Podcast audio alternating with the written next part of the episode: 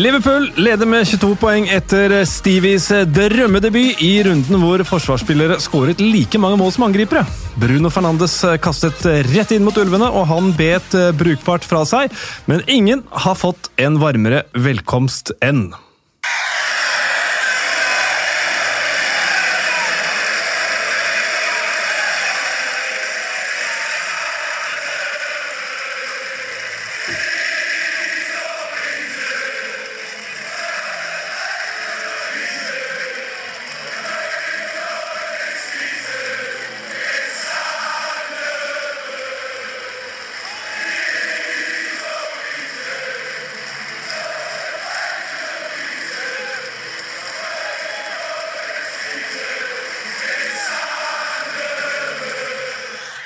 Ja, og Sander Burge han er allerede warm in the jersey, han. Eh, teksten her eh, Nei, det er ikke det han sa. Han var jo ikke det. Han sa warm in the jersey. I'm getting, When, when I'm getting warm. when I'm getting warm in the jersey. Ja. det var dumt. Nå var den eh, starten ødelagt. Takk skal du ha, Erik. Deilig å ha deg eh, Ja, på plass. det, men det viser bare at Sander Berge mener at han har litt mer å gå på. Han har litt mer å gå på. Og det stemmer nok. Uh, og jeg vet at hans gamle lag, Genk, for det har jeg litt inside-informasjon, de satt sammen og så denne matchen og bare lo. Fordi at Han sprang jo rundt der som en tulling. Altså Det var et tempo som er helt sinnssvakt. Han uttalte jo at han satt i pausen og følte han som han hadde spilt tre kamper i Belgia. Altså Han var helt utkjørt. Så det er en omstilling, altså.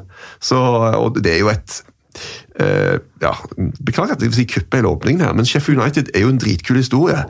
Men fy fylla for en fotball de spiller. Det er ikke akkurat lekkert. Jeg syns det ser litt stille ut, jeg. Synes det. Ja. Jeg syns Det er du still- hei, ass. Jeg syns du ser stille ut også, Endre Olav. Takk for at du er her. Takk skal du ha. Erik, du har allerede introdusert deg sjøl. Takk skal du ha. Og Mina Finstad Berg, du er også i studio. Takk skal du ha for at du har kommet, og jeg gleder meg til å høre hva du har å si.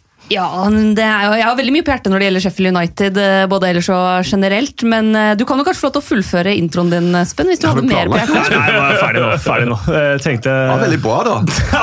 Det var litt som Ricky Gervais på Golden Globes. det der. Ja, jeg føler det. Ni av ti der. 9 av ti. Eh, Men, eh, men teksten på den sangen her, har dere fått med dere den? Nei! Nei. Eh, Da kan jeg eh, lese opp den for dere. Jeg tror ikke jeg skal synge den, eh, for det har vi hørt fansen gjøre. Og til deg der hjemme, du kan nå eventuelt, hvis du vil ha melodien, sette den på pause, så kan du gå til din foretrukne strømmetjeneste, finne fram She's Electric med The Oasis, for det er melodien. Eller hvis du er født og var ung på 90-tallet, eller gammel for den saks skyld, så kan du gå og børste støv av What's the Story Morning Glory-skiva di og sette på den. He's Norwegian. He plays for the Blades with John Egan. We're playing in Europe next season. It's Sander Burge. He's Norwegian. Norwood and Fleck are the reason. We're playing in Europe next season with Sander Burge. Eh, Bra, det. Ja, Jeg syns det fan- klinger godt. jeg. Glimrende. Jeg tror er kanskje det er eh, min uh, nye favorittsang. Tatt over for en Virgil van Dijk-sang til Liverpool. Den syns jeg også er helt Alt eh, som, fantastisk. alt til en, som eh, har utgangspunkt i en Oasis-låt, må vel bare være tommel opp uansett. da. Ja, det må det være. Vi, vet du, hva, jeg skal begynne med en quiz. Som vi tenker, som vi tenker vi skal ta litt utover, eh, utover eh, Spred utover. Spred utover, ja. Bergwijn, eller Stevie, da, som José kaller han, eh, og Samatta de var nummer åtte og ni denne sesongen som skåra i sin Premier League-debut. Det betyr at det er syv spillere tidligere denne sesongen som har skåra i sin eh, merk Premier League-debut. Ikke nødvendigvis debut for klubben, men Premier League-debut. Jeg skal nevne alle syv i løpet av, uh, av podden, så vi ser hvor mange dere tar. Tar dere noen nå med en gang? Sitter jo, Mina sitter jo på nett, da. Ja. Jo, men Pukki skåra vel i første kamp er, der. Pukki er riktig. Pukki er riktig. Så da er vi seks igjen. Hva, hva var spørsmålet? Hvem som har skåra i sin Premier League-debut denne sesongen. der. denne sesongen? Skåra Mason Nei. Vi tar det litt etter Ja. men da vet dere at uh, Pukki, Samatta, Bergwijn, det er Nå kommer jeg jo bare til å sitte og tenke på det. Nei, nei, det skal du ikke gjøre. Nei, det Jeg, kommer jeg, tar, det, jeg tar det opp igjen etterpå. Ja. Uh, ok, Vi kan begynne på Anfield. Uh, det er det naturlige stedet å starte, syns jeg, selv om vi har Sander Burge og Dani Bruno Fernandes Ceballos. Nei, han skåra ikke, ikke i debuten. Skal du komme med sånne Ja, små det forslag i jeg! hele Ja, veldig gjerne! Ja, Det gjelder dere andre òg. Okay. Bare digresjoner, det tar vi imot med stor takk. Southampton-laget fikk eh, følgende skussmål av Jørgen Klapp. Wow! What a team! Jeg kunne ikke hatt mer respekt for dem. Og Førsteomgangen til Southampton, veldig bra. Men Liverpool er noe for seg sjøl denne sesongen. Ja, og jeg syns nesten litt synd på Southampton i den kampen. her, for Jeg, synes, jeg ble ekstremt imponert over den første omgangen de spilte. Jeg synes jo Det er jo et av de lagene som har tatt tydeligst steg da, i løpet av sesongen. Som virkelig har klart å, å løfte seg. Men problemet når du spiller mot Liverpool, er at ja, du kan holde det trykket oppe i 45 minutter. Det krever vanvittig mye å skulle prøve å matche det presset og den måten Southampton spilte på. Men før eller senere rakner det, og da rakner det altså så voldsomt også. Ja, men de har ikke knust mange lag denne sesongen, Liverpool. Nei, Så, men- så det er ikke sånn at de, de Det er ikke sånn at de ellevilt høvler over alle andre, men, men de vinner jo alltid. Mm. Det er jo hver sabla gang. Ja, for De knuste jo ikke Southampton, eller bortsett fra på resultattavla. Ja, Det- sant? Så, men det er jo et eller annet med det der med altså, Vi har jo hatt Burnley som har spytta i trynet på alle statistikkanalysefolk med måten de har spilt fotball på. Og Liverpool basically gjør det jo det samme. Fordi at eh, Liverpool isolert sett er jo litt bedre enn motstanderen i hver kamp. Men det å likevel vinne hver kamp, det er helt ute av skalaen. For det er det ingen som gjør. Bortsett fra de. Ja. Altså det er en sånn enormt altså, Så de har flaks, i tillegg til å være dritgode, da. Og det må jeg nesten si, da, for det, det er jo ikke jeg har sagt det et par ganger, det er jo ikke å ha uflaks. er faktisk litt flaks, det òg, da. For alle lag har litt uflaks av og til. Men Liverpool, det er helt enormt, altså. Det er det blir spennende å se hvor mye de kan havne oppi til slutt. da. For Jeg tror jo de syns det er stas å holde denne greia gående, men når de kommer litt utpå våren og alt er i boks og Champions League og sånne ting, så det er vel en viss fare for at eh, de som andre lag som har og leda med mange poeng, tar foten litt av pedalen. da. Men dette her er bare helt sykt, altså. Ja, ja, for Vi har jo hatt eh, to Liverpool-kamper siden forrige pod. De eh, vant jo over Westham også, og da, det var jo når Trent Alexander Arnold dunker den ballen i egen stolpe i beina på van Dijk, og så blir det kontringsmulighet. Altså, Det er helt utrolig. Altså, de klarer jo ikke å slippe inn mål om de prøver.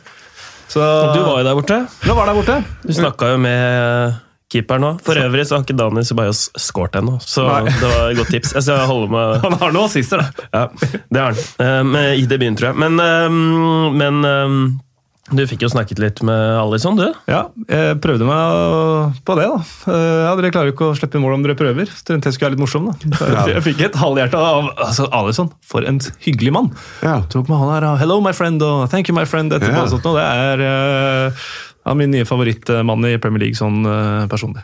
Ja, og det er jo ikke kødd engang. Det er ganske mange mediefolk som sier at eh, ok, vi hyller Liverpool veldig mye, og mange syns de blir voldsomt hylla. Ikke bare denne sesongen, men tidligere òg, da. Men de blir møtt på en så bra måte. Altså generelt, både fra klubben, fra spillere, fra Klopp, overalt. altså. Ja. De, det er en klubb som har eh, bestemt seg for at vi skal oppføre oss bra. Og det må vi jo si gir gi litt respekt. Det er lettere å være raus og på tilbudssida når alt går på skinner òg. Det er klart at det er, det er lettere for både Klopp og spillerne å, å være hyggelige, morsomme, åpne når de er i den posisjonen de er i dag, kontra spillere og managere som er under mye mye sterkere press, som føler at eh, resultatene har vært litt urettferdige, ting har ikke gått helt deres vei. Altså, det er alltid lettere å svare på liksom, ros enn en ramsalt kritikk. Og så er jeg helt enig i at De har gjort en veldig god jobb med å bygge en klubbkultur som er veldig positiv og fin, men det er lettere å gjøre i medvind. Altså. Men uh, jeg føler, Ja, men de har Klopp alltid, Ja. alltid har vært sånn. Ja, da, det, ikke, faktisk, det, er, er ikke bare denne eh, sesongen, da. Fra han Og, eh, kom, og det er jo sånn der Selv når det butta, liksom, så var han var jo en helt Alt han sa, det var jo på en måte kult, det. Ja, er du ikke enig at det er styr... Så han har jo formet den gruppa Ja, ja, der. selvfølgelig. Og det er jo et par Manchester-klubber som havner i andre enden av skalaen mm. når vi snakker om akkurat disse tingene her. Um, og det er jo befriende Klopp er jo en driver her, og det er befriende å se en fyr som ikke ser ut som han har noen som helst agenda. Mulig han har det, og han har prøvd å selge inn ting han også av og til, dette med kampprogram og sånne ting, men han ser ut som han ikke har en skjult agenda noen gang. Ja, og det er en åpenhet eh, Det virker som eh, det er en ekstremt åpen og raus kultur, og det ser du også på på eh, det religiøse aspektet ved det. da. Eh, De har jo forskjellige trosretninger, og de har bønnerom, og, og det er helt greit for Klopp at de prater om eh, det. Så egentlig det har forandret litt byen òg. Hvis du hadde blitt bedt om å bli, muslimer kristne, klubb, er, i, i Liverpool, har du sagt ja? da tror jeg at jeg takket ja, faktisk. Det tror jeg, altså jeg kan jo ikke bli det, men det tror jeg har takket ja til også etter å ha sett den dåpen til Firmino. Det er, det er noe av det feteste jeg har sett. Altså. Det var for en kjærlighet og glede der. Men Men, Men det er eh, et godt poeng, Mina. Det skal du ha. Ja. For det er helt sant, for det er noe helt annet når du bare cruiser av gårde. Til og med Pep Guardiola var jo ute nå med litt sånn konspirasjons... Så dere det, eller? Nei, Ja, han eh, for, Skudamor, som vel leda Premier League, mm. var sjefen for hele Premier League, uttalte på et tidspunkt der de hadde jo en kjempeledelse over Liverpool, at eh, ja, neste sesong så hadde det jo vært kanskje litt gøy hvis noen nærmer seg Man City. Og da tok han det fram nå, da. Liksom, ja, Ser du det samme nå, da? Når Liverpool leder med så mye, eller hva tenker dere? Det var en sånn rar ting å komme med. Altså, Drit i det, da. ja, jeg er helt enig. Forresten, Daniel James skåra han i debuten? Eh, det gjorde han. Ja. Det er. Sterkt, uh, Mina. Det, Han sitter med åpen Mac foran seg. Ja, altså, men det, det- sant, Hun kuker så bare Nei, men altså. Dette er faktisk sånn fantasy-greier. Fordi jeg husker jo litt sånn eh, når spillere havner på altså TV2 Fantasy, Premier League, er jo en egen greie. Og når spillere begynner å havne opp på radaren fordi de plutselig dukker opp i debuten og scorer mål, så blir de jo svære snakkiser. Så det er litt sånn, det er, jeg prøver å tenke hva slags temaer har vi hatt i de podkastene. Og Daniel James har definitivt vært en av dem. Helt riktig. Men uh, bare for å uh, Du hadde et godt poeng med, med det at det er lettere selvfølgelig å smile i, uh, i medvind, men jeg tror også at det skap, er noe av grunnen til at de har suksess. Da. Det holder ikke bare Det er som Henrik sier, det er, det er faktisk ganske vanskelig å vinne fotballkamper, da. og de vinner stort sett hver eneste en. Og da er det mer enn bare gode fotballspillere. Det er faktisk en gruppe som har det veldig, veldig bra sammen eh, og, og trives eh, også. Da. Så jeg tror kanskje det går andre vei, òg, at det faktisk skaper resultater. Å være en så fin gruppe, da. Ja, Bare så- se hvordan de håndterer Danny Ings etter kampen nå. Hvor det er flere, av- både før et kamp, hvor det er flere av Liverpool-spillerne som er borte og som virkelig bare omfavner sin tidligere lagkamerat og gir han en sånn fantastisk velkomst tilbake på, på Anfield. Og Det er jo ikke gitt at man gjør, men det er sånne bilder som er fine å se. Men Danny Ings eh, skulle han hatt straffe i forkant av eh, 1-0-skåringa? Det er i hvert fall ikke en, en uh, clear and obvious mistake å, å ikke blåse, Nei. tenker jeg. Så det at ikke VAR går inn og gjør noe der, er fair. Mm. Det er en, det er en liten touch der. Men det er ikke diving, da. Nei, det er det ikke. det er viktig han- å ta med seg i en del andre situasjoner som kanskje skal diskuteres denne helga. Absolutt. Uh, han prøver å holde seg på beina, og så, så går, han, går han over ende. Nå er Liverpool bare én eh, seier fra å kvalifisere seg for Champions League neste sesong, dere. Så Kan det gå? Kan, det er mulig. Det er mulig. Uh, De har jo, vi må jo snakke litt rekorder med, med Liverpool også. De, nå er de, har de tangert Nottingham Forest sin rekke i 1978 og 79 på antall kamper uten tap, på 42. Har syv igjen til The Invincibles Arsenal-laget på 49. Et spørsmål fra Twitter. Det er Erlend Solberg som, mener, som sier at mange mener at den gode statistikken til Alison kun skyldes at han har van Dijk foran seg, og de andre, da. Jeg mener det er sterkt, det er sterkt å undervurdere Alison. Karius hadde samme forsvarsrekke foran seg, og ingen så på han som god nok keeper. Så hvis jeg forstår Erlend Solberg rett, så mener han at Alison ikke får den hyllesten han fortjener. Nei, men altså, de ble jo veldig hylla, da. Eh, Jeg så jo det var en eller annen eh, engelsk pundit som nå sa at eh, hvis det skulle stemmes nå, så hadde Jordan Henderson vært hans player of the season. Og da var det jo en som påpekte at da har han gått veldig raskt for å være den mest underrated til den mest overrated spilleren i ligaen. Eh, Så vi må ha litt sånn forhold. Men det er klart at de slipper jo nesten aldri inn mål. Alison er kjempebra. Eh, Så men, men det klart det er forskjell på å stå i mål på Liverpool og stå i mål på Westham eller Aston Villas. Det er nesten en annen idrett, det. Da blir du pepra, altså. Det gjør du ikke for Liverpool. Det gjør du ikke for Liverpool. Nå har de eh, 16 strake Premier League-seiere. Den der rekka på 17 ble stoppa av Manchester United. Eh, Rekorden er 18. Så har de Norwich, Westham og Watford i de tre neste, så det er ikke helt utenkelig at den rekorden ryker også. Sammen med en haug med andre utover, eh, utover våren her. På Tottenham Hotspur Stadium så endte det 2-0 til eh, José Mourinhos eh, hjemmelag. Det var eh, nok et oppgjør mellom de to gamle kamphanene Mourinho og Pep Guardiola. Eh, hvor skal vi begynne på den, i den kampen her, Mina? Hvor vil du begynne? Altså, Mourinho er jo- friskmeldt, da. Hva sa du? Mourinho er friskmeldt. Ja, Mourinho er så blid nå at uh, han veit nesten ikke hvor han skal gjøre av seg. Men jeg syns vi må begynne med den første scoringa. Fordi uh, det var jo der vi starta podkasten nå, med debutanter. Og den Altså Alt med den skåringa fra Bergwijn er så ekstremt imponerende. Det er ikke sånn at han hadde liksom vært en uh, man of the match og soleklart en av kampens beste spillere fram til det øyeblikket. Men det er, den, det er timinga, det er teknikken i det, det er kombinasjonen av eleganse og kraft som gjør det til en de, en sånn vanvittig fascinerende scoring. Og selvfølgelig så er det jo Jeg blir jo rørt av å se fotballspillere som er veldig, veldig veldig glad. Og det er, Jeg har sagt det før, men jeg, jeg griner jo nesten aldri. Men jeg kan få litt sånn tårer i øya av debutanter som skårer mål. Unge spillere som liksom får den der drømmestarten, og du, du, bare ser hvor vanvittig mye det betyr for dem. Altså Skåringer betyr alltid veldig, veldig mye for spillere, det er ikke det jeg sier, men det betyr noe ekstra når det er liksom første gangen du gjør det på en ny arena foran dine egne supportere. Så det er sånn som jeg syns er veldig veldig stas. Det er et eh, det er sterkt øyeblikk. Eh, det enormt, eh, enormt moro for ham, og gøy for Mourinho som hentet han, og den skåringen syns jeg mm, bare for å ta tak i teknikken der, så syns jeg det er imponerende måten han tar ned på brystet og bruker så kort tid før den lander på foten, og den kontakten han får. Det er det er gøy. Enig i at det var meget eh, spesielt øyeblikk. Oi, men altså, Det var jo en kamp hvor Manchester City eh, antageligvis kunne spilt til vi sitter her nå, sammenhengende uten å skåre mål. For eh, ballen gikk i tverrleggeren, straffebom eh. For de, de som eh, Jeg jo, syns jo at den stort sett er ganske interessant med dette expected goals-greiene, for å se bak. For de to kampene mellom Man City og Tottenham samla denne sesongen, der, der, Tottenham har fire poeng, og City har ett. Så er expected goals 6,1 mot 0,6.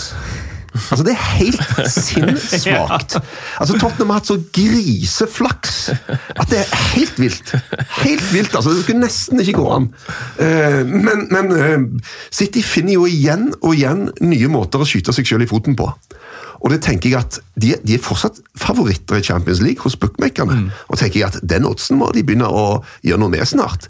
For det laget der altså de, de roter de jo til. Igjen og igjen. Bommer på straffe. Herregud, hvor mange har de bomma på? Halvparten. Han sa jo sist til forrige bom Edersen er vår beste straffeskytter. Ja, men la han skyte, da! Mm. Altså, hva er greia? Mm. Og eh, altså, utvisningen Fair enough, det, det, er Det er ikke noe det Han gjør det han må gjøre, holdt jeg på å si. Mm. På en, men, men, alle de der missene og det røret de holder på med Et så godt fotballag, seriøst! De skal jo omtrent være verdens beste lag. Og, nei, en, en, og de, er jo, de er jo dritgode.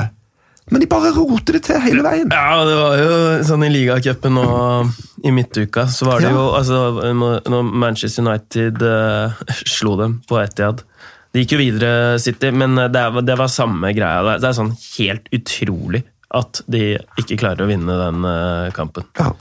Det var samme greia. Så, um, men nå er det jo blitt en trend, da. Ja, det har jo nesten det.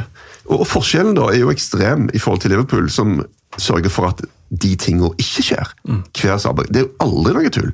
Altså, ok, Hvis de gjør et eller annet tull, så gjør de bare ett, ett, en røregreie, og så skårer de to. Mm. Så, men det var jo noen uh, fantastiske scener der. Uh, uh, han Mourinho på benken, som det da ikke blir straffe på, på Stirling når han mm. går ned på returen etter straffesparket. ja, Det skal bli nytt straffe. Nei.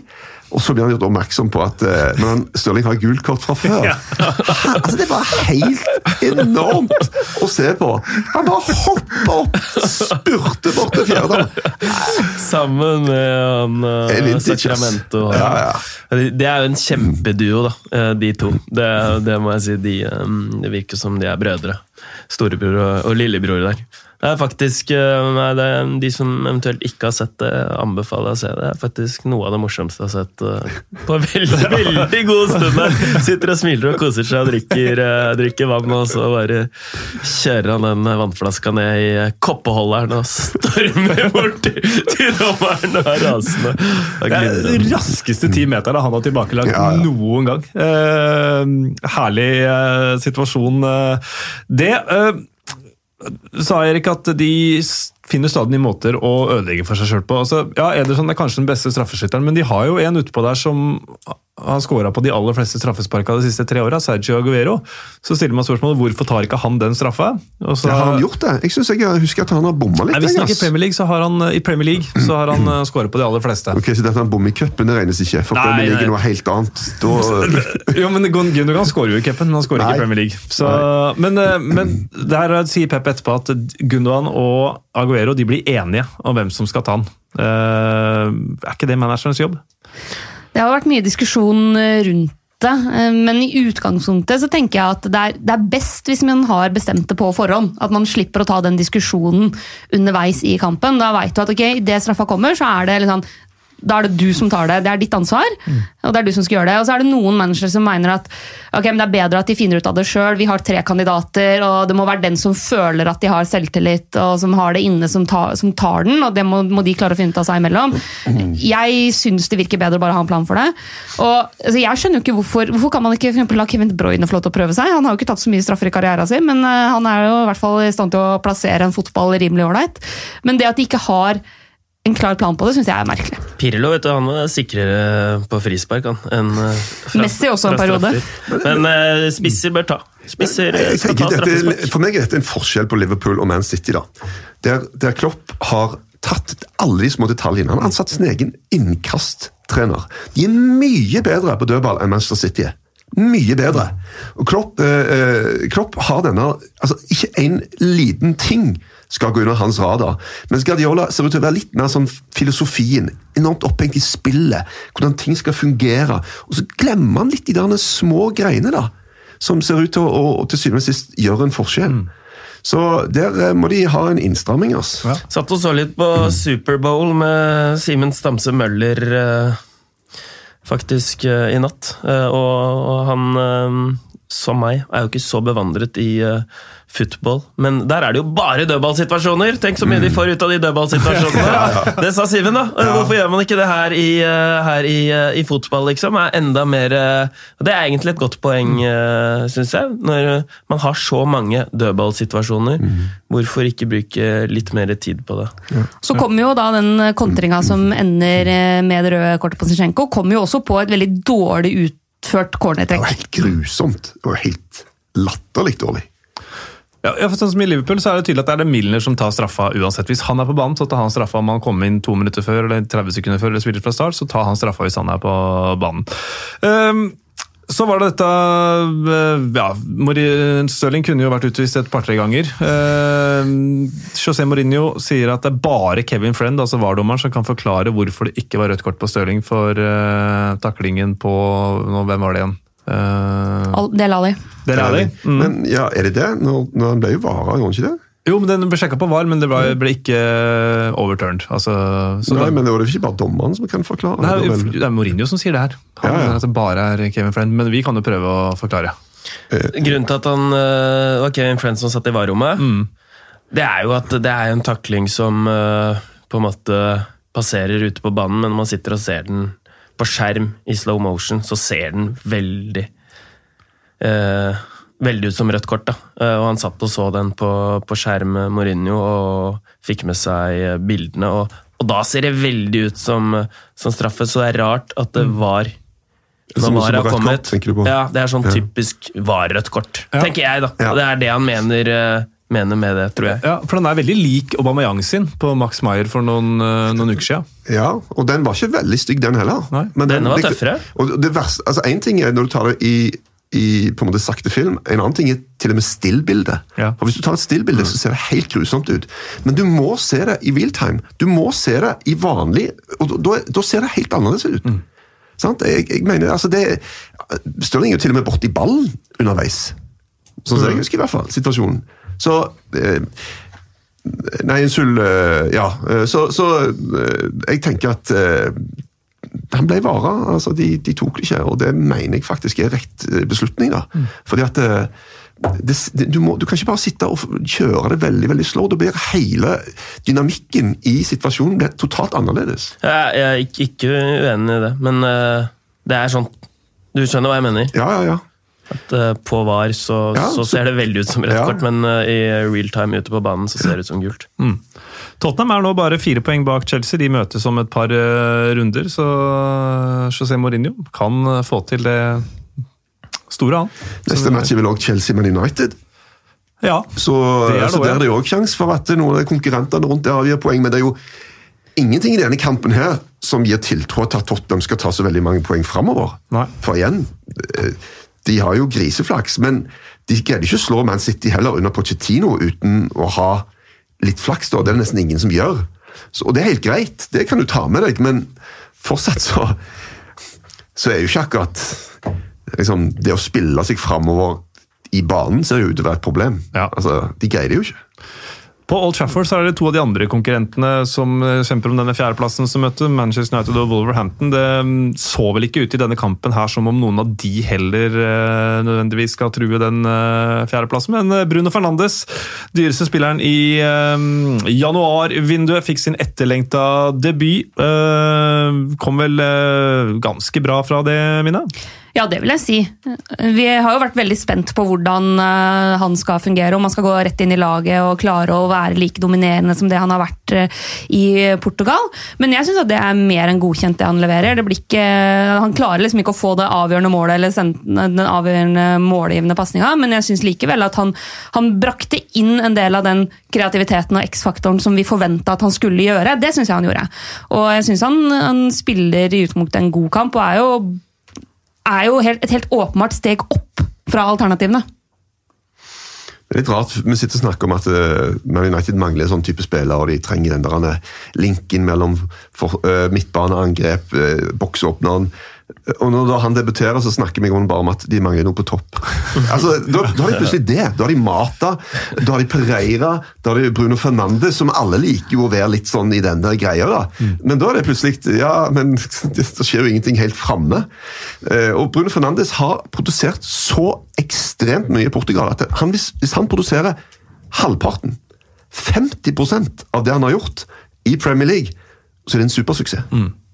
Men du må, hvordan er den portugisiske ligaen sammenlignet med Premier League? Og Det er formler, det er folk som sitter og prøver å regne ut disse greiene her. Eh, men Det blir veldig spennende å se om han greier å overføre det der helt syke mål- og assist-greiene han har hatt i Portugal. hadde jo en kjempemulighet, vil jeg si. Med tanke på sånn som vi kanskje har sett og hørt om Bruno Fernandes skyter mye fra distanse, produserer så mye som du sier, Erik, så får han den skuddmuligheten fra 18-19 meter i første omgang. Så hvis han skulle levd opp til de forventningene man kanskje har, da, så burde kanskje den sitte i, eh, Endre? Ja, men uh, jeg syns det blir litt krav, kravstort. Uh, det, det- det er den kommer til å sitte seinere. Men det er jeg helt uenig i. Ja. For at det, det, når en, en spiller skyter derfra, så sikter han ikke et bestemt sted i målet. Han prøver bare å treffe mål, han. Mm. når ballen kommer sånn som dette, han klinker til på første.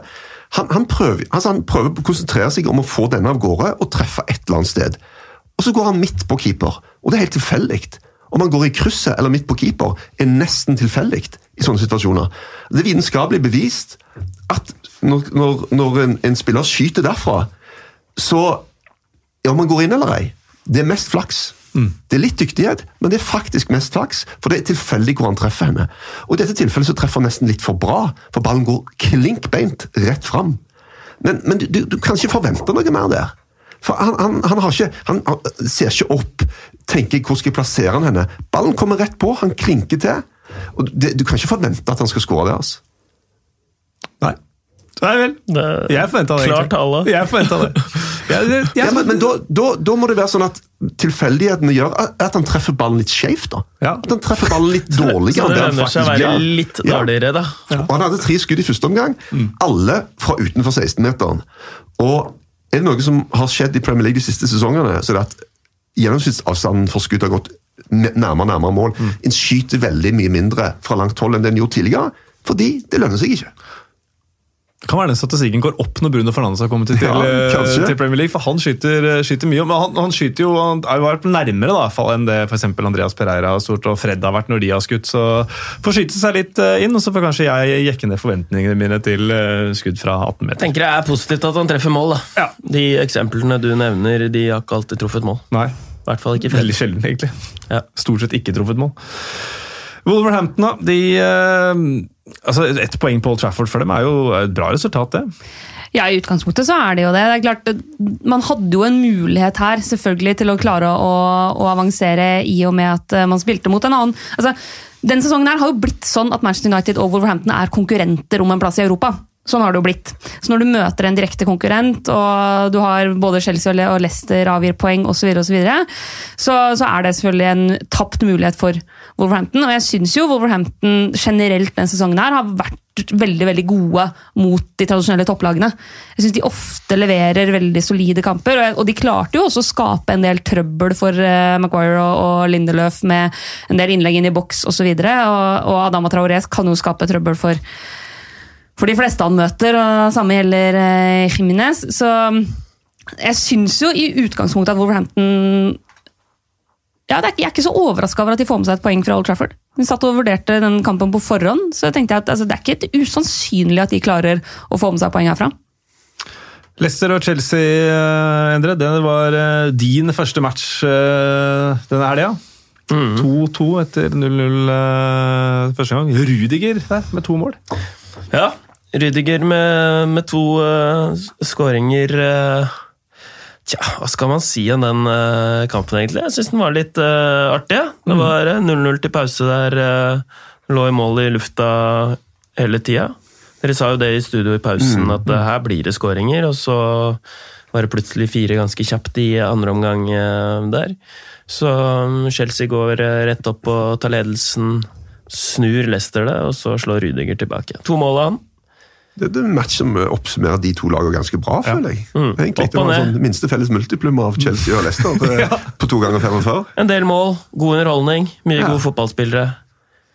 Og en litt sånn berg-og-dal-bane-reise. Og en Tammy Abraham som fortsetter å slite. Som Ja. ikke er i nærheten av å få de sjansene som han gjorde i begynnelsen av sesongen. Og som ikke har like god uttelling på de sjansene han får heller. For han var jo en av de som eh, hadde veldig god uttelling i den perioden hvor han skåra mye. Det er altså unormalt god ut uttelling på, basert på hvor mange sjanser han kom seg til og hvor mange avslutninger han hadde. Men også verdt å merke seg at uh, Giroud er jo ikke i troppen engang. Nei. Han var er helt- nå, da. Ja, men, men han er jo liksom helt Ja. ute av, av det, og det syns jeg er veldig merkelig. fordi nå begynner vi å se litt det at ok, Tammy Abraham, selvfølgelig et stort talent. Selvfølgelig en, en god spiller som har levert uh, solid for Chelsea sånn alt i alt denne sesongen her. Men kan han bære det ansvaret så aleine, da? Batshuayi er på en måte han, Jeg er ikke helt overbevist der.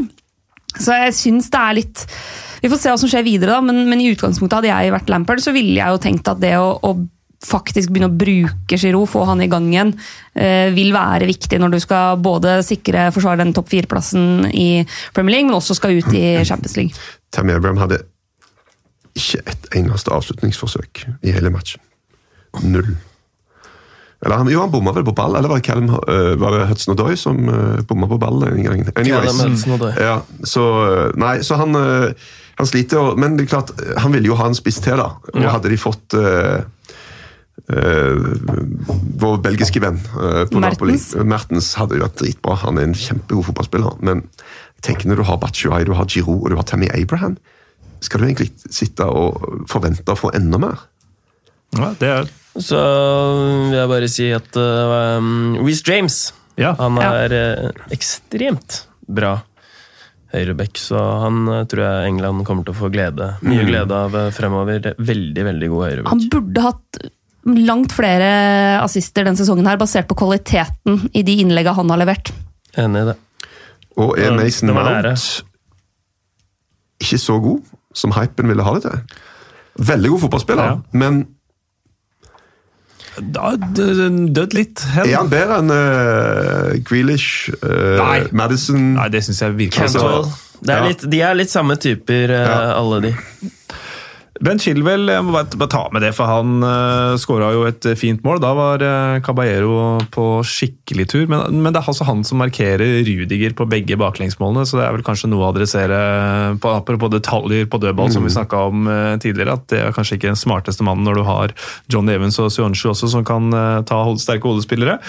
Men ja, nå glemte jeg egentlig hva jeg skulle si. Nei, men da kan jeg ja, skyte fint, inn, takk. fordi Caballero Det Der, var jo et spennende at han var tilbake i, eller var i mm. kassa der. Ja. Eh, Kepa um, har stått alle minutter i Premier League, og så var det Caballero, så, som så ut til å være ny førstekeeper, egentlig. Sto ja, i cupen. Han sa jo det i intervjuet før match, uh, Lampard. Så det blir spennende å se om han uh, holder fast da, mm. med dette her. Vi husker jo Kepa-gate, når han uh, nekta å gå av ja. i ligacupfinalen. Og uh, Sarri straffa han med å sette han ut i neste match. Mm. Da spilte Caballero spilte veldig bra. Men det ble med den ene matchen. Mm. Kampen etter det så var Kepa tilbake igjen. Så får vi se om Lampard uh, holder fast med Caballero. da. Jeg tenker at den lille missen ikke rettferdiggjør at han skal bare snu totalt om Nei. på det igjen. Da får han fortsette med Caballeros. Mm.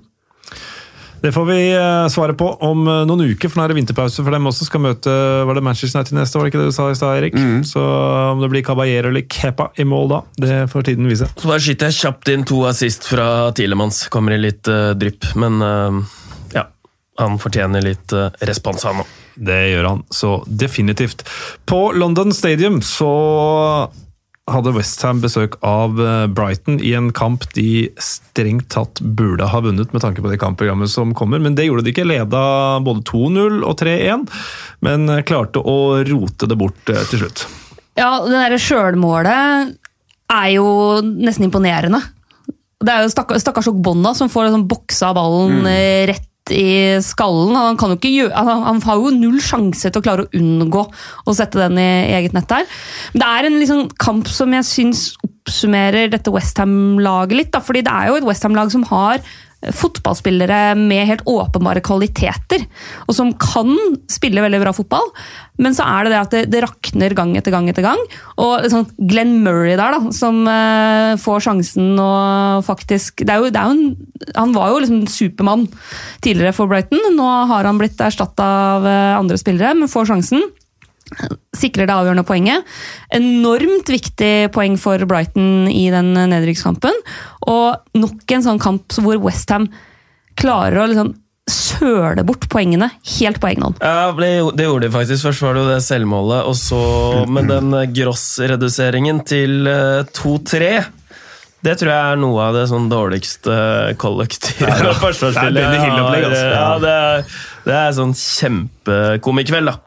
Så, men, og så 3-3 mot etablerte, egentlig. Ja. Så det er jo Men, men det, den, ja. det, de situasjonene her er jo funny. De, de ja, men, men, det var altså De ble rundkjørt av Brighton. Mm. Altså Siste del av kampen altså Det er total beleiring. Brighton står altså på London Stadium og bare hamrer de. Mm. Og det er Det må være altså Det er nesten sjokking å se altså, mm. for fansen å se at uh, det er de greiene der. altså.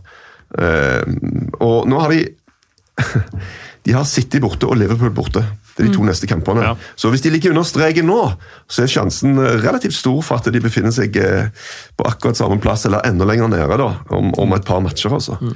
Så uh, dette er tough times for uh, The Hammers kan jo ta med at Etter de to kampene der så er rekka følgende. Southampton hjemme, og Southampton er et av de beste bortelagene i eh, Premier League. Så har de Arsenal, og så har de Wolverhampton, og så har de Tottenham og så har de Chelsea. Ja. Så for Westham ser det ordentlig tungt ut. Det er et lag som, som ikke virker å tåle press i det hele tatt. De har gitt bort 19 poeng etter å ha leda. Så, så fort man legger press på dem, så er det kollaps med en gang. Litt sånn som så Southampton faktisk var for ja. noen sesonger siden. Mark Hughes. Da hadde de òg en sånn periode der de var, altså fikk en baklengs, så ble de totalt shaky. altså. Mm. Så Nei, det Og det er jo med alt det der Det var jo tiårsjubileum for, for eierne nå, da. Og det har jo blitt markert på diverse vis. uh, og de har jo gjort uh, det der stadionbyttet som er en, en svær greie, da. Mm. Uh, men problemet har jo vært at de for å få til det stadionbyttet, så måtte jo eierne på en måte sukre eh, pillen med et eller annet, og det gjorde de med å love et dritbra lag. Og de har brukt penger for å gjøre det òg. Men problemet har vært at det blir jo ingenting ut av det til slutt. Og da tenker jeg at det er de greiene som er bak. Administrasjonen, hvordan fungerer klubben, hvem styrer kjøp, hvordan jobber de? Når David Moyes eh, da forteller at han har sittet til langt på natt eh, hele uka og før transfervinduet skulle stenge, bare for å se på video, så tenker jeg men herregud, er det ingen andre som har gjort den jobben før du kom, da? Altså, Det virker jo helt på trynet. ass. Nei, ikke bra. Ikke bra for dem. Uh, fin uh, markering for uh, Graham Potter. i Lagene spilte med sørgebånd. Mistet faren sin eh, tidligere i uka, Brighton-manageren, eh, og fikk eh, den store, gamle veteranen Glenn Murray, da, som spilte istedenfor Neil Maupay, til å sørge for et veldig viktig poeng. Eh, har ikke vunnet så mange kamper i det siste, Brighton, men de har ikke tapt så mange heller. Så eh, de holder seg foreløpig greit eh, flytende. Ja, Gøy for Glenn Murray, som har vært eh, Han var jo, hadde jo noen tilbud, eller var på vei bort, i hvert fall. Var linket bort, og så mm, har han blitt værende. Det syns jeg er stort at han får scoringen der. Stort at han feirer den også, og så begynner han å tvile sjøl. Altså, så, så når 60 000 tviler på om det her blir mål, så begynner han å tvile sjøl òg.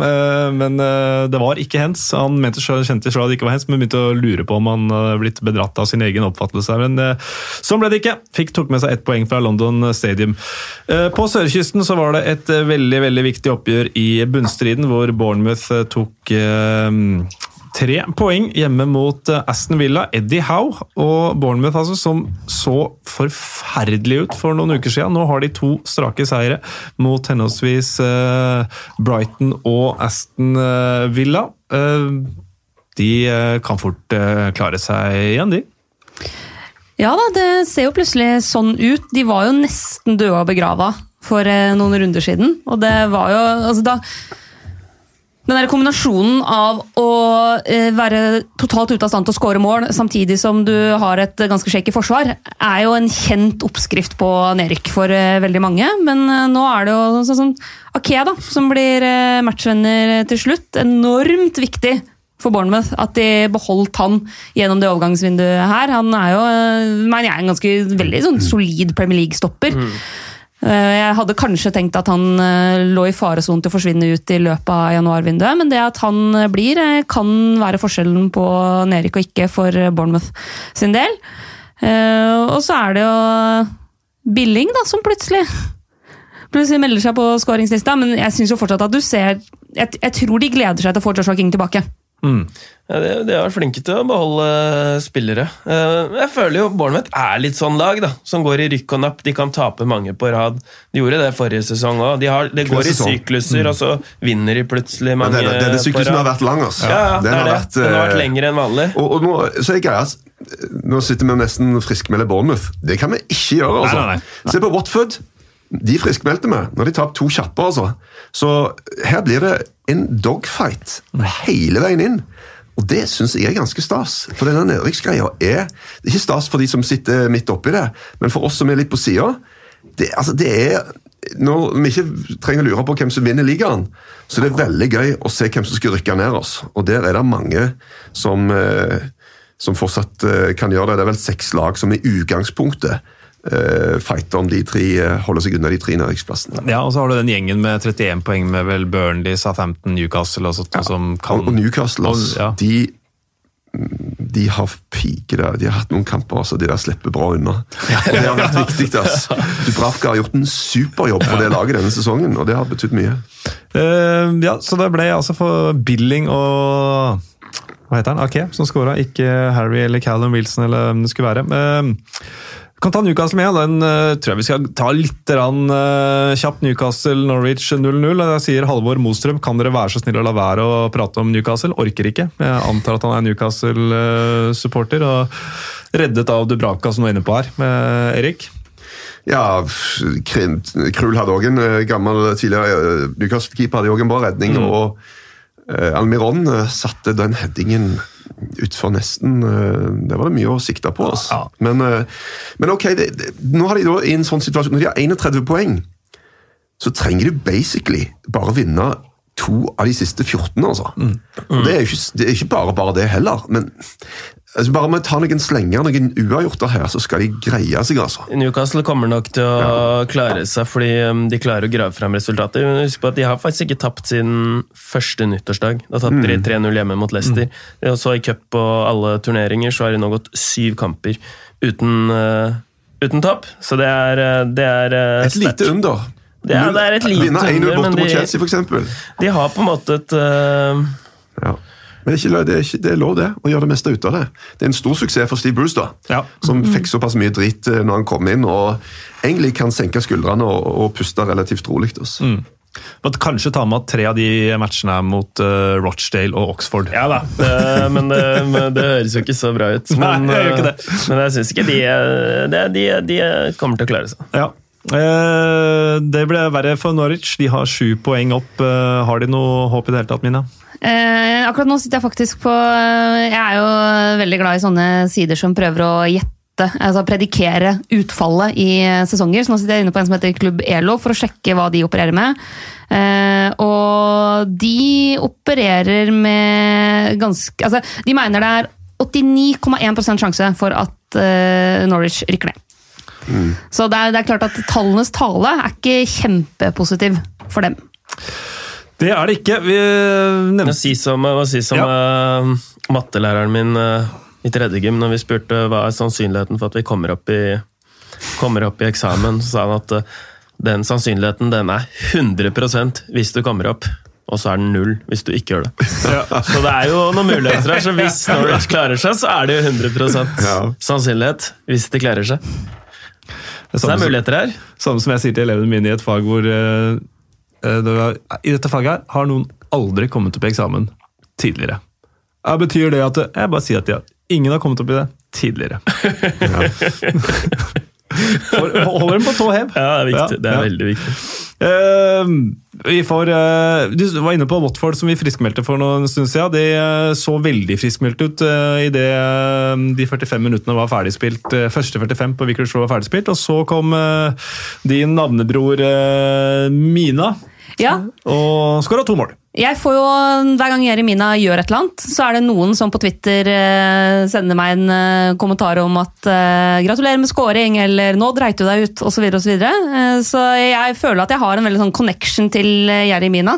Finstadberg. Han er jo en del av mitt, Jeg har jo laga sånn five-a-side-lag med spillere som heter Mina. Der er jo Jeremina klink inn, sammen Hvem? med Santi-Mina og et par andre.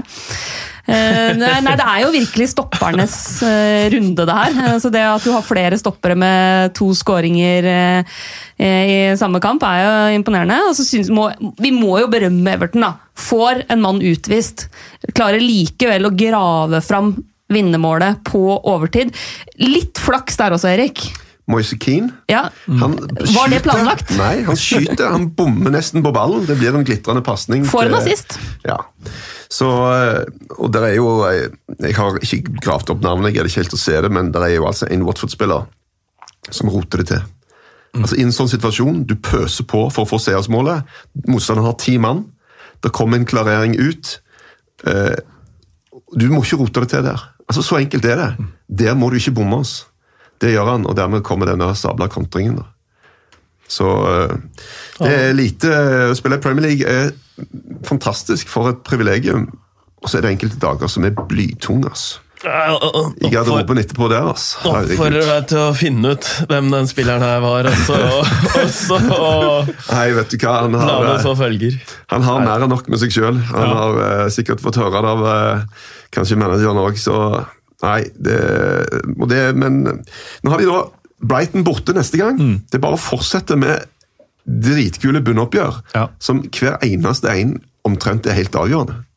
Når sprekker det fra Nigel Pearson? da? Han har jo øh, kalt folk for strutser og vært uh, ufin og vært veldig rolig uh, til nå. Ehm, Min, Mina hadde jo bra teori her. Så Ja. lenge de vinner, så er det jo helt greit. Bare Ja. vent, gi det et par tap til Mina, så kommer det nok.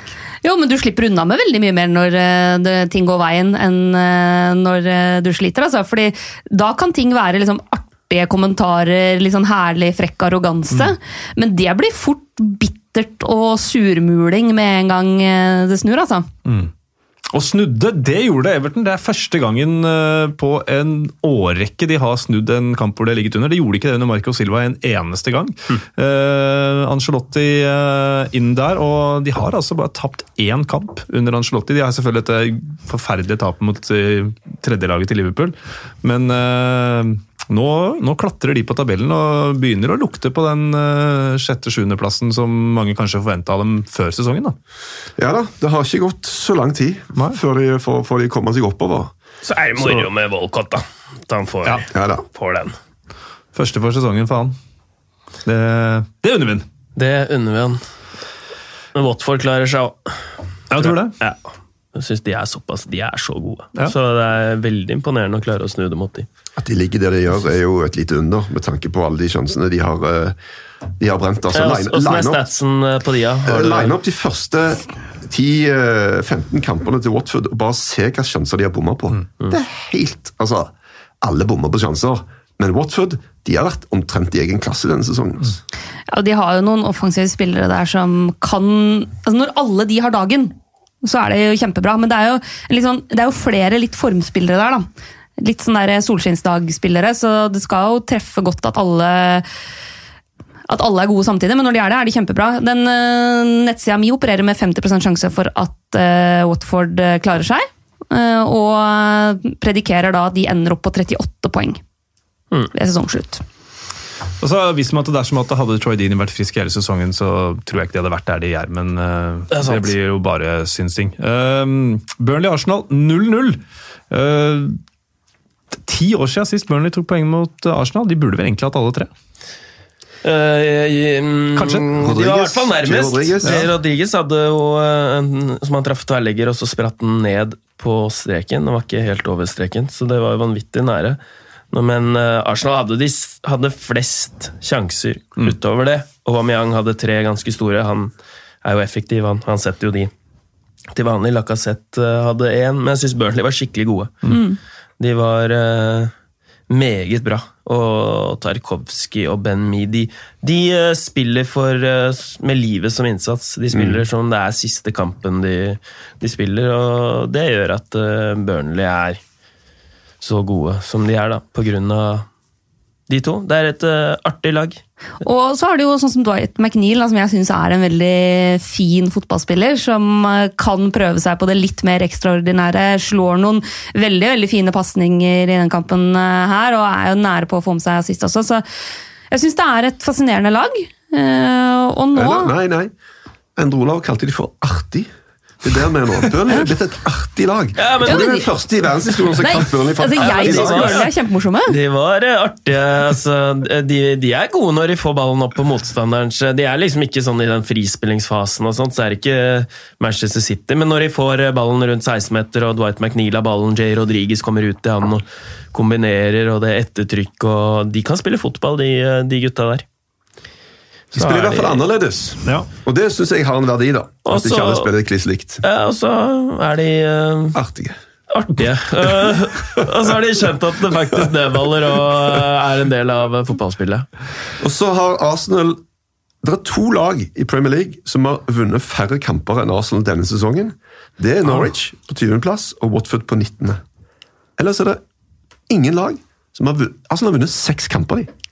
Hele sesongen. Er så mye uavgjort. Nå har de Det spilt, det her var den femte uh, ligakampen, borteligakampen, hvor de spilte uavgjort på rad. Det har de ikke gjort siden i ligaen siden 1948.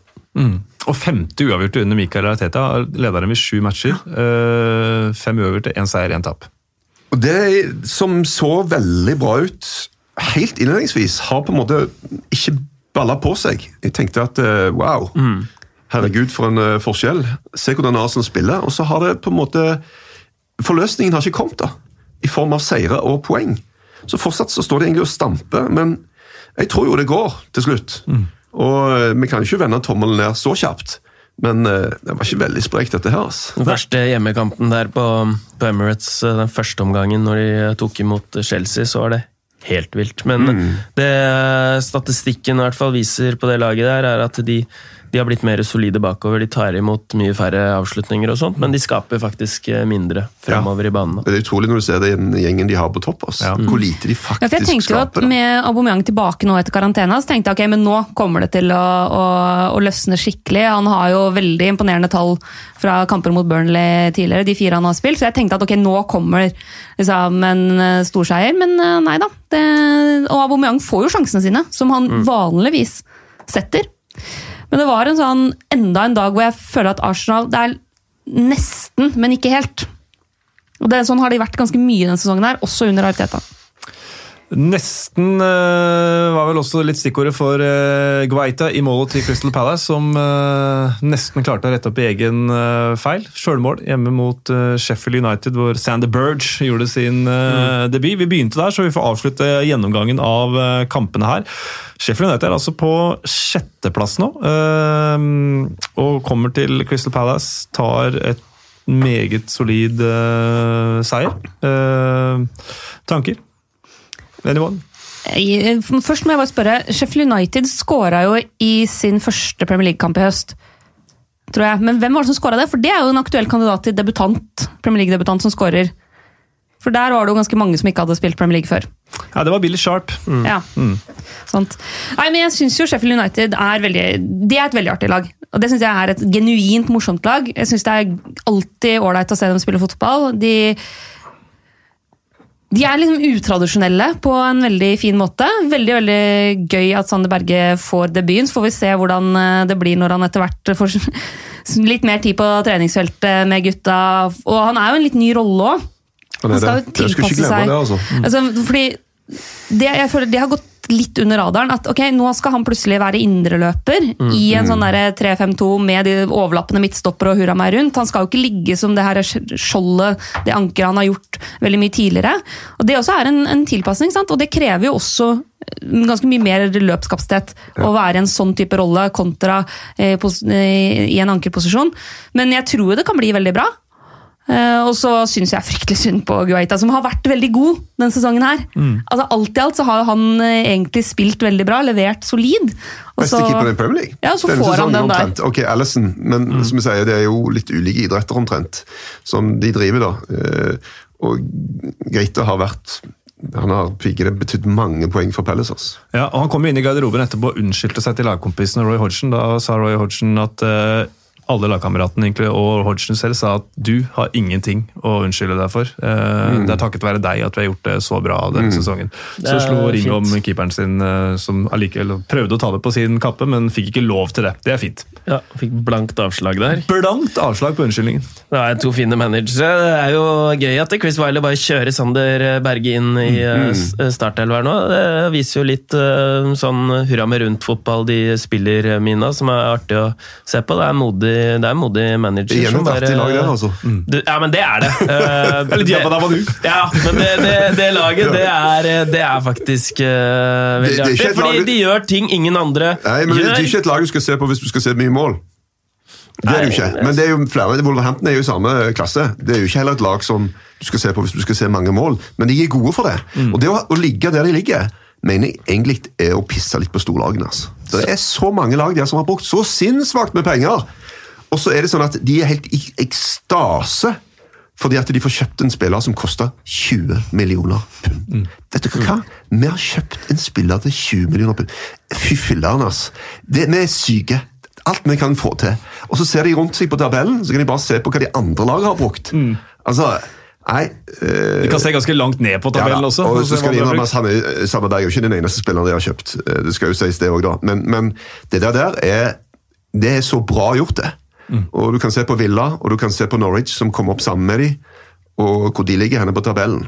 Nei, det er respekt, altså. Helt enig. Og bare for artig, altså det er jo et samlebegrep, men eh, så det er bety- eh, altså, Alt betyr jo artig, men artig betyr jo på en måte ingenting òg, da. Men eh, det er, det er det jeg mener med det og Burnley, du, det er lag som kommer ut på, med masse energi og fyller på energi hos hverandre. og det er ikke energitappende å sitte og se, det, se de spille fotball, og det er befriende, syns jeg.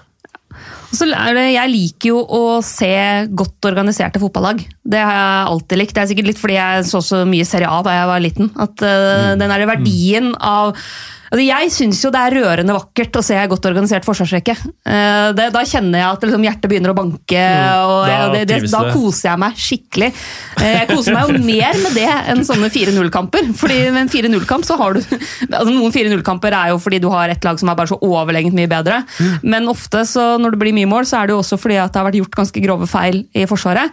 Eh, Men, men en sånn 1-0-kamp syns jeg er helt topp. Ja, du jobba i politikken, så var du vel også mest opptatt av Forsvaret? var du ikke det? Så det er vel noe som liksom jeg- ligger i din personlighet. Jeg jobba faktisk litt med forsvarspolitikk en periode der. Bare demma opp. Eh, Joel Ward fikk et eh, rødt kort omgjort til gult. Det så helt eh, riktig ut. Det var spørsmålet om George Baldock burde vært utvist. Hadde både stempling og spark som kunne vært gult nummer to, men der er bare viktig å presisere at VAR ikke går inn og tar gult nummer to. Og heller også derfor VAR ikke går inn og omgjør Fabian Delf sitt gult nummer to, som kanskje så litt strengere ut. Uh, for å ta en, ta en annen kamp. Det var runden oppsummert. Det betyr at vi skal til faste spalter. Det var moro å se på. Morata var kjempegod. Hva i all verden? Er. Han snakka om seg sjæl, han snakka om dommeren. Og da Uh, er vi på kaktus, blomst og det ene med det andre. Uh, jeg har ingen forslag til kaktus. Nei, fordi Du har det, Mina. Nei, men i utgangspunktet så vil man jo tenke Guaita, men jeg er litt enig med Hodgson og lagkameratene. Og jeg, jeg snakka også med en av mine bestekompiser, er jo Palace-fan. Og hva tenker du om den situasjonen der? Sier han, vet du hva? Han får, han får lov til å ha én sånn supertabbe nå, for han har vært så god. At eh, han har ei tabbekvote som tillater det der. Det er ikke, det er ikke noe grunn til å, å liksom, gjøre han til den store syndebukken her, altså. Hva med han eh, ikke-identifiserte uh, Watford-spillerne, som Erik Erik er ekstremt frustrert på, men ikke aner hvem er? Nei, jo, men, nei, men, men jeg tenker jo Prøvde å finne ut hvem det er, men klarer Så, ikke. sånn, av prinsipp, så, av prinsipp så, så tenker jeg at det, det blir jo feil å gi kaktus til noen som, som gjør en feil. Ja. Jeg tenker, altså De prøver jo så godt de kan. Og, og liksom, Men shit happens, da. Ja. Og hvis du gjør ditt beste, et ærlig forsøk, men du roter det til eh, Men, men når du gjør altså, virkelig teite ting, så kan en jo begynne å dele ut øh, kaktuser. Altså. Ja. Men eh, er det noen som har gjort det denne helga her? Jeg har et par forslag fra Twitter, da, heldigvis. Uh, Kjennald, bare det var det han heter på Twitter, eh, foreslår tidenes klareste vinner av kaktus må vel gå til Martial. At en sånn figur tjener mange hundre tusen eh, store i uka, er jo et hån mot alle som liker fotball, uavhengig av hvilket lag du holder med. Så ikke fornøyd med Martial denne runden her. Nei, Det kan Nei, jeg jo forstå. Igjen, altså han Som uh, litt sånn uten, uten Rashford så er jo Martial plutselig mye dårligere. Ja. For med Rashford så har han en eller annen greie. En link, De bytter seg imellom, de får til ting. Igjen, Du kan ikke klandre en spiller for å spille dårlig. Nei. Og at, I hvert fall er det at han tjener veldig mye penger, et, et dårlig argument. Hvis han gjør så godt han kan. Og jeg tror faktisk Martial gjør det. Det. Men han er ikke bedre. Ja, er- Og jeg tror aldri han kommer til å bli uh, toppklasse heller. Det er ikke så lenge siden han var uh, veldig god, da. Og folk uh, syns han var eh, bra. Skårte mål. Han har jo fått eh, sesongen litt uh, oppstykka, men nå er jo fotball sånn at det er det siste folk husker. da. Og i livet og egentlig generelt. Det er det Men, siste men, man men gjør. greier Man United å ta steget helt opp med Martial som den som skal spille spiss på Manchester United, Nei, det tror ikke jeg heller. Nei, det, det tror ikke, altså. Men med Igalo så faller jo selvfølgelig brikkene på plass. Det, det, gjenstår å se. Uh, Er det noen flere forslag? På, Ja, jeg har det ett forslag til Ja. som jeg tipper kommer til å få kaktusen. Det er Espen Tangstad som foreslår at kaktus går til De Gea, som faktisk trodde Bruno Fernandes var Wolf-spiller. Når du ser dem takke for kampen, så har Bruno Fernandes fått på seg drakta til Bodense. Så går de og takker for kampen, og han, han ser ikke at det er Bruno Fernandes. Det er helt åpenbart at han bare takker for kampen som det er hvem som helst. Så Det er jo helt fantastisk, men kan vi gi kaktus for noe sånt? Ja, vi, er, tynne på kaktus eh, her nå. Det er litt kaktus, det, da. For, eh, at det ser ut som at du ikke kjenner en ny lagkompis lagkompisen din. Og en altså, lagkompis som klubben din har vært på jakt etter i ganske lang tid, så du bør liksom ha fått med deg at eh, han eh, kanskje ender opp i klubben din. Da, da synes jeg det da mener jeg, og Det er jo ikke verdt en kaktus, det heller, men at en Manchester United-spiller bytter drakt ute på banen tar på seg motstanderens drakt Ja. ute på banen, det gjør du ikke. ass. Nei. Altså, det, det er nok av sånn old school folk sånn som meg som sitter og hisser seg opp over at spillerne klemmer i tunnelen for de skal ut og spille. sånn. Drit i det, da. de er venner, de kjenner hverandre, de har spilt sammen på landslag osv. Men skal du gå av banen etter å ha spilt din første kamp og bli hylla av publikum i det andre laget sin drakt? Jeg er faktisk enig. Tungt for Bruno Fernandes å få kaktus da, i debuten. Ja, men det, det der greiene der, altså, det, noen må hviske han et eller annet i øret. Altså. Ja, ikke det, i hvert fall kjenner han ikke igjen. Det blir ikke han. Uh, nei, da får vi gi kaktusen til Bruno Fernandes, da.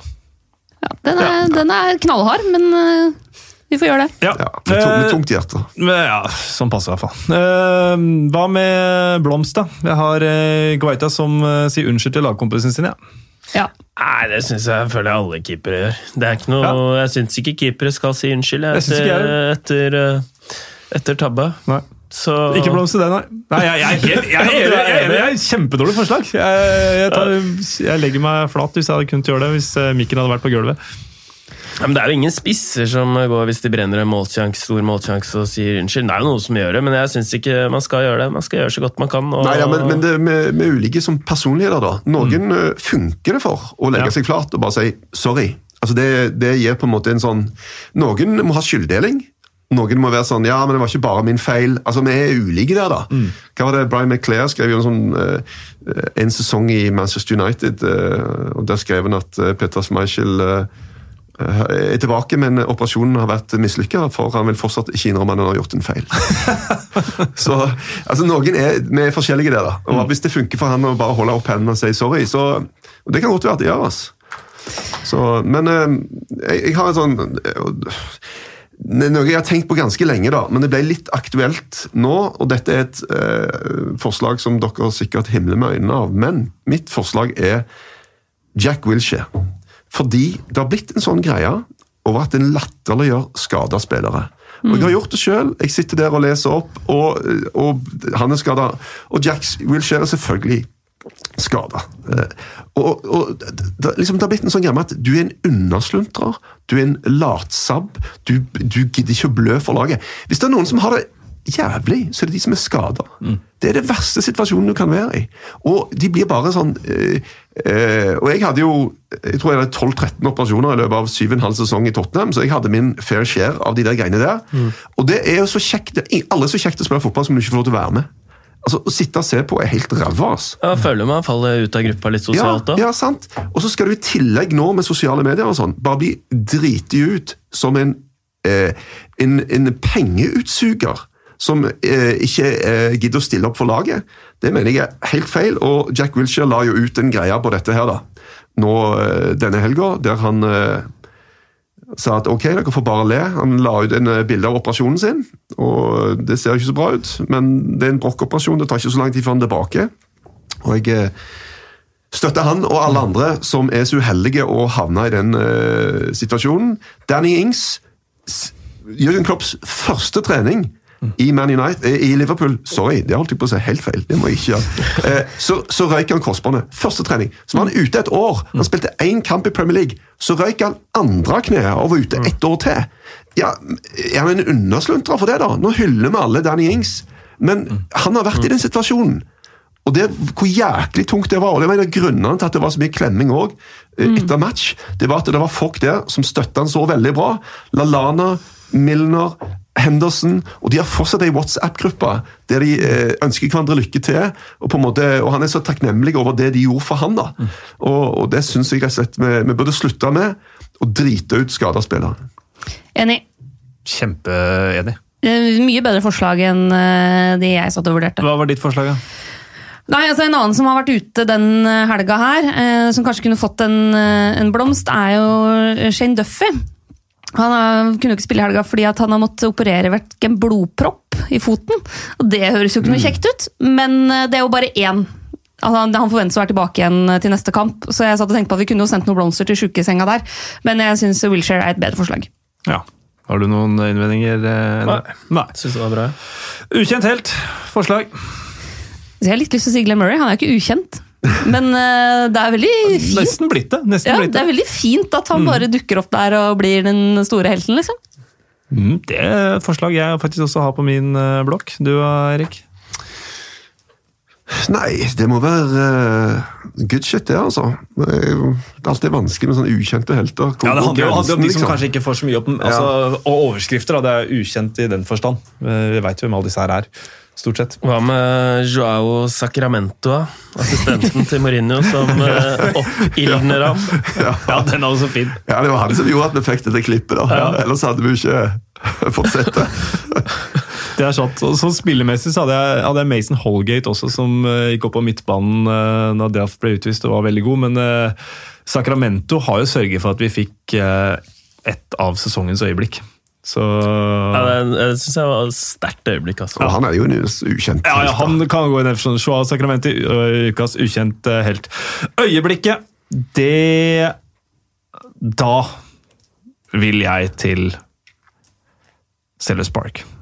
Etter kampen, Sander Berge på vei over bort med fansen. Billy eh, Sharp holder rundt han, peker på alle de norske flaggene. Dean Henderson som dytter han inn foran så sangen kommer. Eh, da får jeg bare ta eh, nisselua, nissedrakta, nisseskjegget og dra alt sammen på. Og så eh, kreve at eh, Sander Berge får eh, ukas øyeblikk. Jeg, men jeg har jo ikke vetorett, det er det Kasper som har. Så det er noen bedre øyeblikk. Jeg foreslår uh, Sander Burge. Ja, Sander Burge. Ja, ja, det burde jeg selvfølgelig si. Altså, konkurrenten er jo selvfølgelig målet til Bergveien. Eh, Så det å score i debuten din mot Manchester City eh, i en kamp hvor laget ditt har blitt pusha, pusha, pusha, pusha og tidvis rundspilt, er jo sånn Hvis man skal være helt nøytral, et større øyeblikk. Men samtidig så syns jeg den synginga og måten de har tatt imot Sander Berge på, er veldig fin. Og det må være veldig godt for han å komme til en ny klubb og bare føle at alle her elsker at jeg er her. De syns det er så fett at jeg er i den klubben her. Det må være en sånn fantastisk følelse å gjøre det enklere, den overgangen som han sjøl snakker om, da, fra belgisk fotball til Premier League. Så jeg kan bli med på, på den, sjøl om hvis vi tar nisselua av, så mener jeg det er Bergveien. Hvis vi tar nisselua på, så er jeg helt enig i å gå for Sander Berge. Jeg har gått for uh, Stevie, men uh, enig i at uh, det er et konkurransedyktig forslag. Det er det konkurranse mellom tresko og nisselue. Ja, det det står det. mellom det. Det blir nisselue. Arsenals syv siste. Aldri skjedd! Første gang siden er den sjette spilleren. Fun factsene til Bill Edgar. Bill Edgar, statistikkmannen i The Times. Hans statistikker har funnet veien til meg via Kasper Wikestad. Eh, Og jeg har plukket ut eh, følgende. Antonio Rudiger er første spiller til å skåre like mange mål som draktnummeret sitt, siden Asmir Begovic skåra for Stoke mot Southampton i november 2013. Tidligere, år, som, tidligere samme år så skåra faktisk Arona Kone også to ganger mot Reading. Everton-spissen, eller Wigan-spissen, jeg husker ikke helt hvilket lag han spilte for da, som hadde nummer to på ryggen. Jeg tror, jeg tror det var Everton han hadde nummer to. Arsenal er nå i rute til å bli det første laget til å spille uavgjort i halvparten av sine toppseriekamper, siden Norwich gjorde det i 1978-79. Vi eh, fortsetter med Arsenal. Artetas åtte poeng på syv første kamper er det nest svakeste av en ny trener i Arsenal siden første verdenskrig.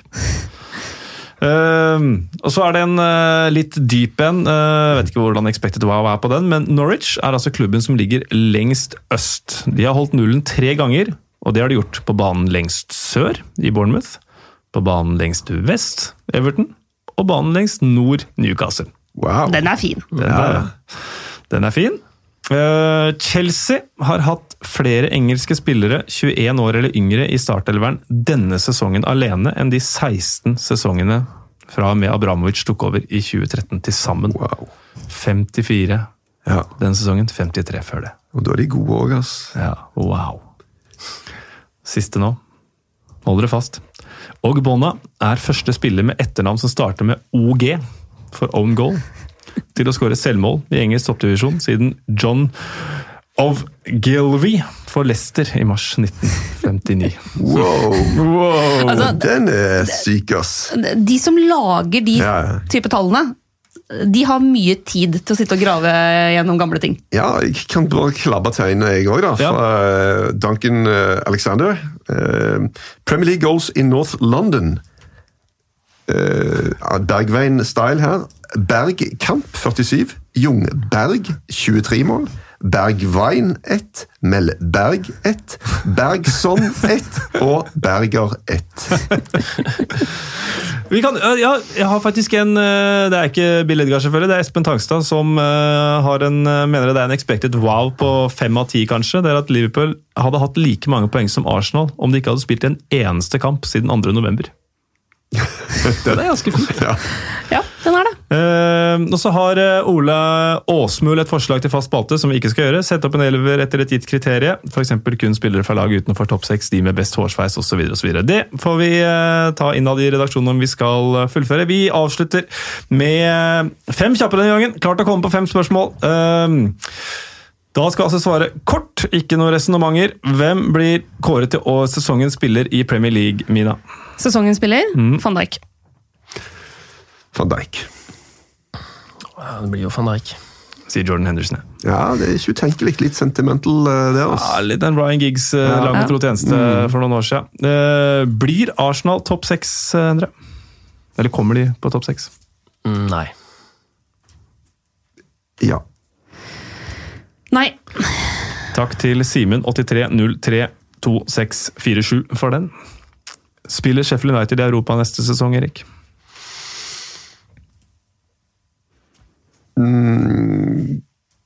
Nei. Mina? Ja. Endre? Ifølge Mourinho så er eh, rivalene Chelsea, Arsenal, Sheffield United og eh, Wolverhampton, sa han etter kampen. Han nevnte ikke United. um, men um, Det er deilig stikk. Et lite der. Ja, det er klassisk Mourinho-stikk. Ydmykheten der. Men nei. Nei. Hvor mange mål skårer Igalo for Manchester United? Tre. Ett. Fire. To. Rykker Westham ned? Ja. Nei. Nei. Ja. Det var øh, Oi. Det var eh, gurg, gurgel i halsen. Gurgel. Gurgel i halsen fra undertegnede. Vi er øh, ferdig. Lik oss i øh, iTunes. sag oss på Twitter. Takk til Moderne Media for lokaler og PC. Og som muliggjør denne innspillingen. Tusen takk til deg, Endrula, rett fra Finn Gnats Superbowl-party. Og leverer, en, leverer touchdown-pasninger gjennom hele sendinga. Det vil jeg jo kanskje ikke si, men uh, hyggelig, å- hyggelig absolutt ikke. Det var hyggelig å være her med dere. Tusen takk, Erik. Fornøyelse. Ingen uh, harde følelser, selv om jeg hadde jobba hele natt med innledningen min. Mina, tusen takk for at du stilte opp, til tross for at uh, du har vært oppe tidlig i dag, du òg. Ja, jeg har tappa en del lite blod. Til glede for de som måtte trenge det. Og til glede for oss, vi merka ikke at eh, du var slapp som uh, du hadde frykta på forhånd. Den, uh, det var en ubegrunnet eh, bekymring. Takk og hei!